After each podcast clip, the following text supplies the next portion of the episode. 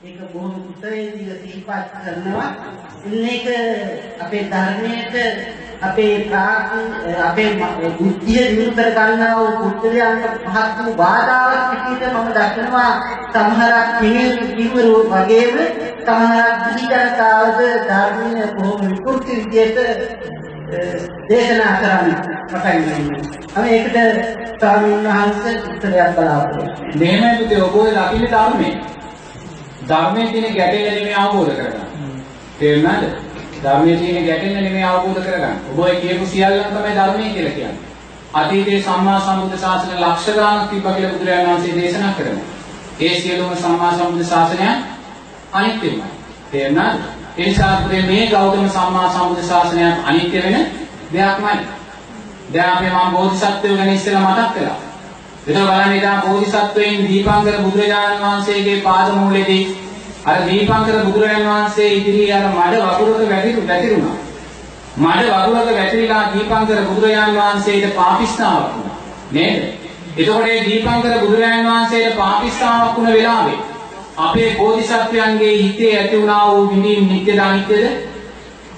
ඈ? නිත්‍යද අනිත්‍යද? අනිත්‍යයි. මොනසා විදීම් කන්දරාවක් එවෙල ඇති වෙන්නේ නැද්ද? ඈ? සම්මා සම්බුද්ධත්වයේ පතා මොනසා විදීමක් ඒ වෙලාවේ ඇති කරගන්නේ නැද්ද?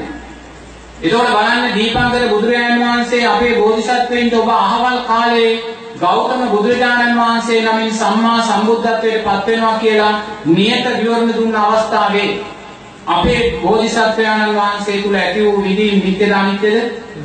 අනිත්‍යයි. මේ භව ගමනේ ආපු ගමනේදී ඇස් ගලවගලවා දන් දෙද්දී ඇති වුණා වූ විඳින් නිට්ටයද අනිත්‍යද? අනිත්‍යයි. මේ මහා සාගරයේ ජලය පරාද වෙන තරමට රුධිර ධාතුව දන් දෙද්දී ඇති වුණා වූ විඳින් නිට්ටයද අනිත්‍යද?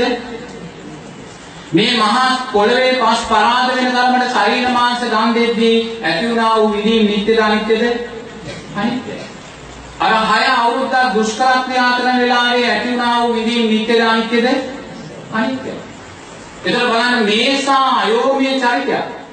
සාරා සංක කල්ප ලක්ෂ ගානක් දස පාරමී ධර්මයන් පුරාමින් ආපු මේ චරිතය මේ අයෝමීය සම්මා සම්බුද්ධ චරිතයේ නිත්‍යද අනිත්‍යද? අනිත්‍යයි. අර පිරිනිවන් මංචකේ අවසානයේ හුස්ම ටික යන වෙලාවේ පිරිනිවන් පාන වෙලාවේ ඒ සියල්ල අන්තිභාවයටපත් වෙලා ගියා. තේරෙනවද? එතකොට උන්වහන්සේ දේශන සාරා සංක කල්ප ලක්ෂයක් පෙරම් පුරලා ලබාගත්තා වූ ප්‍රඥාවේ බලය ඒ ප්‍රඥාවේ ශක්තිය තුළින් දේශනා කොට වදාලා වූ ධර්මයේ නිත්‍යද අනිත්‍යද? අනිත්‍යයි. කාම සංදිත්තිකෝ කියනවා. නමුත් මේකත් අනිත්‍ය වෙනවා. දැන් කාශ්‍යප බුදුරජාණන් වහන්සේ දේශනා කළා වූ ඒ ශාසනයේ නිත්‍යද අනිත්‍යද? අනිත්‍ය වෙලා කියනවා. නේ? අරසා අයෝමේ ගුණයන්ගෙන් පිරලා තිබ්බ අර මහා සංඝ රත්නයේ නිත්‍ය වුණා අනිත්‍යද? ඒවා සියල්ල අනිත්‍ය වෙලා කියනවා. ඈ එතකොට මේසා අයෝමේ චරිතයක් මේ බුදුරජාණන් වහන්සේගේ රූපය කියන කාරණේ ඒ නිසා සකස් වුණා වූ අනිකුත් සියලුම විදීම් කියන කාරණා අනිත්‍ය නම් තේරෙනවද? ඉතින් අපිට තව මොකක්ද නිත්‍ය වශයෙන් දකින්න? අපේ පන්සලේ ස්වාමීන් වහන්සේ කියන දේ නිත්‍යයි කියලා ගන්න පුළුවන්. ඉතින් ඒක තමයි ධර්මයේ. නේ? එසා මෙහෙම නෙමෙයි දැන් ඉස්සරහට වෙන්නේ. බුදුරජාණන් වහන්සේ කියනවා මෙහෙම මෙහෙම ගිහිල්ලා මිනිස්යාගේ පරමායශ අවුරුදු 10යි කියන තැනට එනවා. එතකොට මනුෂ්‍යයාගේ පරමායශ අවුරුදු පරමායශ අවුරුදු 10ක් වෙන තව කොච්චර කාලයයිද? කියන්න කල්පනා කරලා පරමායශ අවුරුදු 10ක් වෙන තැනට කොච්චර යයිද කියලා? උත්තර දෙන්න පුතේ. කොච්චර දරුවෝ? 2000 මොකද? 2500. තව කියන්න පරමායශ අවුරුදු 10ක් වෙන තැනට යන කොච්චර කාලයයිද? ඈ 1500 දැන් මේ පුතේ අපි ඒක අල්ලපන්නවා උත්තරේ නම් හරි ඉතින් ඔබලා. ඒ කියන්නේ දැන් බුදුරජාණන් වහන්සේ ජීවමානව මේ දීකී අවුරුදු 2600කට කාලේ. එතකොට මේ 2600 කාලය තුල ආවිෂාඩකි මොකද ඒ කාලේ අවුරුදු 120ක් තමයි පරමාර්ථ. මහා කාශ්‍යප මහ රහතන් වහන්සේ ආනන්ද මහ රහතන් වහන්සේ අවුරුදු 120 ජීවත් වුණා. අර බාකුල මහ රහතන් වහන්සේ විතර විශේෂ කුසල හේතුව නිසා අවුරුදු 160 නමුත් එදා පරමාර්ථ අවුරුදු 130. එතකොට මේ 120යි කියන තැන දැන් මේ 65කට වගේ වහින්න අවුරුදු වගේ 2600 ගියා. ඉතින් මේ ගෙවි ගිය අවුරුදු 2600 කියන්නේ මාත්‍ය මේ ලෝකයේ ස්වභාවිකත්වය තුල ගලා ගියා වූ ලෝකයක්. වසවිස රසකාරක කුමිනාශක බෝම්බ පරමාණු තිබ්බේ. නමුත් අදින් පස්සේ බිහි වෙන්නා වූ ලෝකයේ විකෘතිය. නේද? ඒ විකෘති ලෝකයේ තුල මාත්‍ර ඉතුරු අවුරුදු 55 අඩු වෙන තව අවුරුදු 1500ක් යන වෙන්නේ හේතුඵල ධර්මයන් නම් දකින්න. හේතුඵල ධර්මයන් නම් මේ දකින්න. තේරෙනවද? මෙතන 2600 දැන් 60ක් ගන්නවා. එන තව 55ක් අඩු වෙන අවුරුදු මේ දැන් අනිත් පස්සේ දීවෙනා ලෝකේ මා විෂම ලෝකයක්. තේරෙනවද? වසවිසෙන් රසකාරක ගුමිනාශක වලින් ඔය සියල්ලම ගහන ලෝකයක්. එහෙනම් දැන් ඔතෙන්ට එන්න බුදුරජාණන් වහන්සේ කියන පරමාර්ථ 10 කියන දැන් දෙනවා කියලා. ඒ පරමාර්ථ 10 කියන තැනේදී මූර්ත සංඥාව සකස් වෙනවා. මූර්ත සංඥාව මිනිස්සයා. මිනිස්සයා තව මිනිස්සෙක් දකින්න මූර්තියෙක් ඇටියෙ. තිරිසනෙක් ඇටියෙ. මරා ගන්නවා කියන්නේ. මේ පෘථිවිය ලේ විලක් වෙනවා කියන්නේ. තේරෙනවද? දැන් එතෙන්ට අපි යනවා. තේරෙනවද? දැන් මේ මේ දීඝ අවස්ථාව තමයි අපි මේ ලෝකේ දකින්නේ. දැන් පරමාංශ 10 කියන තැනට යනවා කියන්නේ ඒකට අවුරුදු 5ක් වෙනකොට එයා දරුවේ විහි කරනවා මගේ. 6 වෙනකොට එයා මුළු ප්‍රමිතිය ලබලා. අත 8 වෙනකොට එයා දැන් සාමාන්‍යයෙන් ගැහැණු දරුවෙක් අවුරුදු 8 වෙනකොට 9 වෙනකොට වැඩි විදිහටපත් වෙනවා. එයා අවුරුදු 8 දී 7 දී වැඩි විදිහටපත් වෙනවා කියන්නේ එයාට දරුවෙක් දරාගෙන මේ ශක්තිය තියෙනවා. නමුත් සමාජයේ තාම එතෙන්ට යන්නේ නැහැ. ඇයි? සීලේ සමාජයේ සමාජය තුල සීලේ සමාජයෙන් බැහැර වෙලා දුස්සීල වෙනකොට මිනිස්සයා එතෙන්ට දැන් තිරිසන් ලෝකයේ සීලය නැහැ. ඒ නිසා තිරිසන් ලෝකයේ දෙන්න යනවා. මිනිස්සයා තාම එතෙන්ට යන්නේ නැත්තේ මිනිස්සයා තුල තාම සීලය තියෙනවා. දුස්සීල වෙනකොට මිනිස්සයා එතෙන්ට යනවා. එහෙනම් පුතේ අවුරුදු 5 වෙනකොට දරුවෝ හඳුනවා කියන කාරණේ තව ගොඩක් ඈතට යන්න වෙන්නේ. ඒ නිසා භයානක තැනක් අපි ඉදිරියේ තියෙනවා. තේරෙනවද? ඉතින් එතනදී ධර්මයක් නැහැ. ධර්මයක් ඒ කාලේ නෙමෙයි දැන් කාසාය කන්දකලේ කාලේ වෙනකොට ධර්මයක් නැහැ. නිකන් සාමාන්‍ය මේ මේ ප්‍රතිරූප අපි රූපයක් විතරයි දකින්නේ. තේරෙනවද? ධර්මයක් කියන කාරණේ නැහැ. ලක්ෂණයක්. ලා මේ මේ මේ මේ ධර්මයේ ලක්ෂණ විතරයි දකින්නේ අර්ථයක් නැහැ. චතුරාර්ය සත්‍යයක් ඇහෙන්නේ නැහැ. පටිච්චසමුප්පාදය සත්‍යබෝධ්‍යංගය ඇහෙන්නේ නැහැ. ආර්ය සංගීත මාර්ගයක් ඇහෙන්නේ නැහැ. ඒ නිසා දුර්වල තැනකට යනවා. ආයමත් පුතේ මේක අවුරුදු 10ට පරමාංශ බැහැලා අවුරුදු 80000ක් තියෙන මිනිස්සු බිහි වෙන්න ඕනේ සීලයේ විසින්. දුස්සීල බාලය විසින් අවුරුදු 10ට අඩු කරනවා සිල්වත් බාලය විසින් අවුරුදු 80000ට ඒ අවුරුදු 80000 කාලේ තමයි මෛත්‍රී බෝධිසත්වය පහළ වෙන්නේ.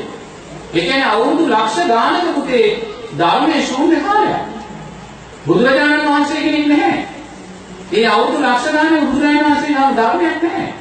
නේද? එහෙනම් දැන් මේ කියන කාරණේ අපි කොච්චර සතුටු වෙන්නද? නේ? මෙතන දුක් වෙන දෙයක් නැහැ.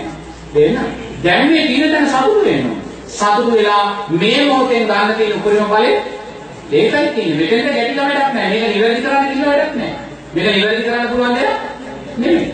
නිවැරදි කිරීම නෙමෙයි කළ ගැටීම නෙමෙයි කළ යුත්තේ මේ නිවැරදි ගැටීම මේ ස්වභාවය දැකලා පුතේ අපි මේකේ ලෝකයේම කමඨාන කරගෙන ලෝකයටම හොරෙන් අපි මේකෙන් ගැලවිලා යන්න ඒක තමයි දක්ෂ බව. ඒක තමයි දක්ෂ බව. බුදුරජාණන් වහන්සේ පුතේ ශාසනය ආරක්ෂා කරගන්න ගියේ නැහැ. විනය පැනෙවුවා. නමුත් අවසාන වෙලාවේ ආයු සංස්කාරය අතාරින වෙලාවේ බුදුරජාණන් වහන්සේට අවශ්‍ය නම් තිබුණ ආනන්ද ස්වාමීන් වහන්සේලා ඉදීමක් කළා තව අවුරුදු 40ක් ජීවත් වෙනවා. කල්පයක් අවශ්‍ය ජීවත් වෙනවා. කල්පයක් කියන්නේ පරමායස අවුරුදු 220ක්. ආනන්ද ස්වාමීන් වහන්සේට නිකන් හරි බුදුරජාණන් වහන්සේ ඊට ඉස්සෙල්ලා මතක් කිරීමක් කළා නම් ආනන්ද මම මෙහෙම ප්‍රකාශයක් කළොත් ඔබ මෙහෙම කියන්න කියලා තව අවුරුදු 40ක් ජීවත් වෙනවා. නමුත් බුදුරජාණන් වහන්සේ එහෙම කළේ බුදුරජාණන් වහන්සේ දන්නවා මේ ශාසනය තනිත් වූ දෙයක්. මන් තව අවුරුදු 40ක් ජීවත් වුණා නම් උන්වහන්සේට පුතේ අහන්න ලැබෙන්නේ උන්වහන්සේ කැමති කරන දේවල් බුදුරජාණන් වහන්සේ කෙලෙස් සිත දැම්මත් උන්වහන්සේට කැමැත්ත අකමැත්ත කියලා දෙයක් තියෙනවා. රහතන් වහන්සේට කැමැත්ත අකමැත්ත කියලා දෙයක් රහතන් වහන්සේ සත්පුරුෂයින්ද කැමති. අසත්පුරුෂයින්ද රහතන් වහන්සේ කැලේට කැමති. නගරේට නමුත් රහතන් වහන්සේ සත්පුරුෂයාට කැමති අසත්පුරුෂයාට අකමැති කියලා ඒකට ඇලෙන්නේ නැහැ ගැටෙන්නේ කැමැත්ත අකමැත්ත කියනවා. එහෙනම් බුදුරජාණන් වහන්සේ ඒ අවුරුදු 40 ජීවත් වුණා නම් බුදුරජාණන් වහන්සේම දන්නවා උන්වහන්සේ කැමති කරන දේ නෙමෙයි උන්වහන්සේට දකින්න. මොකද ඒ වෙනකොට භික්ෂුන් වහන්සේලාට විනය කාරණා 227ක් පනවලා තියෙනවා. ඒ කියන්නේ ඒ කර්මවලම වැරදි කරා. භික්ෂුණීන් වහන්සේලාට විනය කාරණා 308ක් පනවලා තියෙනවා. ඒ කර්මවලම වැරදි කරා. උන්වහන්සේ දන්නවා එනම් මම මේ අවුරුදු 40 හිටියා නම් පුතේ උන්වහන්සේ කැමති කරන දේවල් නෙමෙයි දකින්න ලැබෙන්නේ. ඒ නිසා උන්වහන්සේ මේ ශාසනය රකින්න කියලා ඒ අවුරුදු 40 ගත්තේ නැහැ. ඒ නිසා ඇයි ඒ ගත්තේ මේ ශාසනය අනිත්‍ය වෙනවා කියලා උන්වහන්සේ දන්නවා. ඒ නිසා ඒ අනිත්‍ය වෙන දේ දැකලා පුතේ අපි මේ ශාසනය ගන්න තියෙන ප්‍රයෝජනෙ ගන්න ඉක්මන් වෙන්න ඕනේ. ඒක තමයි මූලික දේ. නිවැරදි කරන දෙයක් ලෝකේ කොතනකවත් නැහැ. ලෝකේ නැවත නිවැරදි වෙන්නේ නැහැ. මොකද පරමාංශ 10 කියන තැනට යන්න ඕනේ. අදට වඩා ලෝකේ කවදාකවත් හිත නිවැරදි වෙන්නේ නැහැ.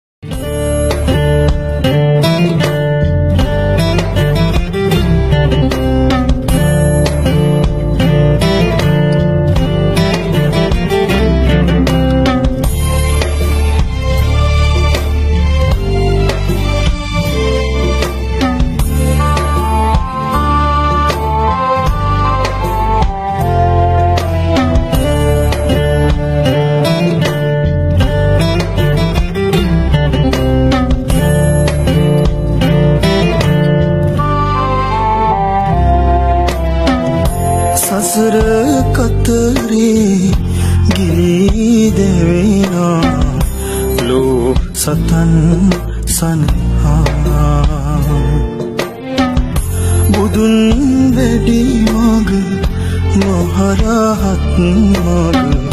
අත නුහැර වඩිනා. සසුනබරේ දිලෙනා.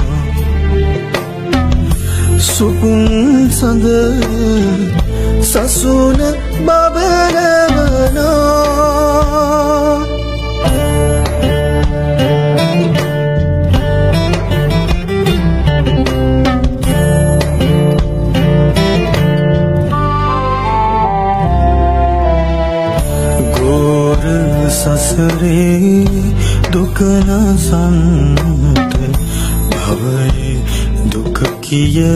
කියනා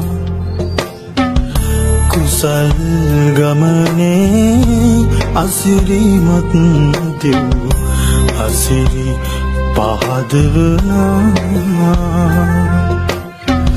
සදා දුක්ගිනි නසන නිවනේ රන්දුරටු අරිනා නුඹය අප දුටු උදුපුතුන් කෙලෙසුන්දම් බිඳිනා. ඇත හිමයක නිසල අරණක පවුන්දම් වඩනා. හා ඔබේ බන පද නිවයි අප හද දම් සිසිල තවරා සදා දුක්දිනි නසන නිවනේ රන්දුරටු අරිනා අරිය ඥාන සමිදේ වදිමි පාකමල නිබාදේ